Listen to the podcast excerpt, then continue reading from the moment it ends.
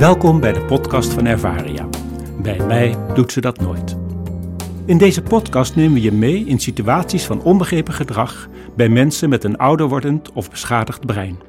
Bijvoorbeeld door dementie. Dit is aflevering 27. Als mevrouw Marsman onder de douche gaat, is er geregeld strijd, vertelt Cindy tijdens de bewonersbespreking. Ook deze ochtend in de boterbloem werd mevrouw Marsman boos en kneep Cindy hard in de armen. Een vervelende situatie voor zowel mevrouw Marsman als voor Cindy. Het lijkt wel of ze het soms heel eng vindt, zegt ze. En andere momenten weer helemaal niet. Thea en Lies herkennen dit. Er zijn dagen dat het douchen zonder problemen verloopt, terwijl op andere dagen er veel voor nodig is om mevrouw Marsman rustig onder de douche te krijgen. Lies en Cindy komen er de volgende douchebeurt achter dat het te maken heeft met het douchestoeltje. Op het moment dat ze moet gaan zitten, begint de onrust en zet mevrouw Marsman zich schrap. Ze wil niet gaan zitten. Het lijkt wel of ze helemaal geen stoel herkent, denkt Cindy. Begrijpelijk, beseft Cindy, want de hele ruimte is wit, zelfs het douchestoeltje ook. Om de douchestoel beter te kunnen zien, legt Cindy een blauwe handdoek op de stoel. Na enige aarzeling gaat mevrouw Marsman zitten en het douche gaat vervolgens gemoedelijk.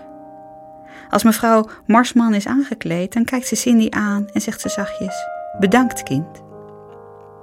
Veel mensen met dementie hebben moeite met het onderscheiden van subtiele kleurnuances. Een wit douchestoeltje op een witte vloer in een ruimte met witte tegels wordt niet herkend of niet goed gezien. En hierdoor krijgt iemand het gevoel te moeten zitten op een stoel die er niet is of die te laag is. De boosheid van mevrouw Marsman kwam dus voort uit een gevoel van onveiligheid. Bij een beschadigd brein helpen felle kleurcontrasten om objecten beter te kunnen waarnemen. In dit geval de kleur blauw in een overigens witte ruimte. Breng kleurcontrasten aan zodat bewoners objecten beter kunnen waarnemen. Een douchestoeltje met een handdoek erop is daarvan een voorbeeld. Maar denk bijvoorbeeld ook aan het contrasterend aftapen van de spoelknop van het toilet of het lichtknopje.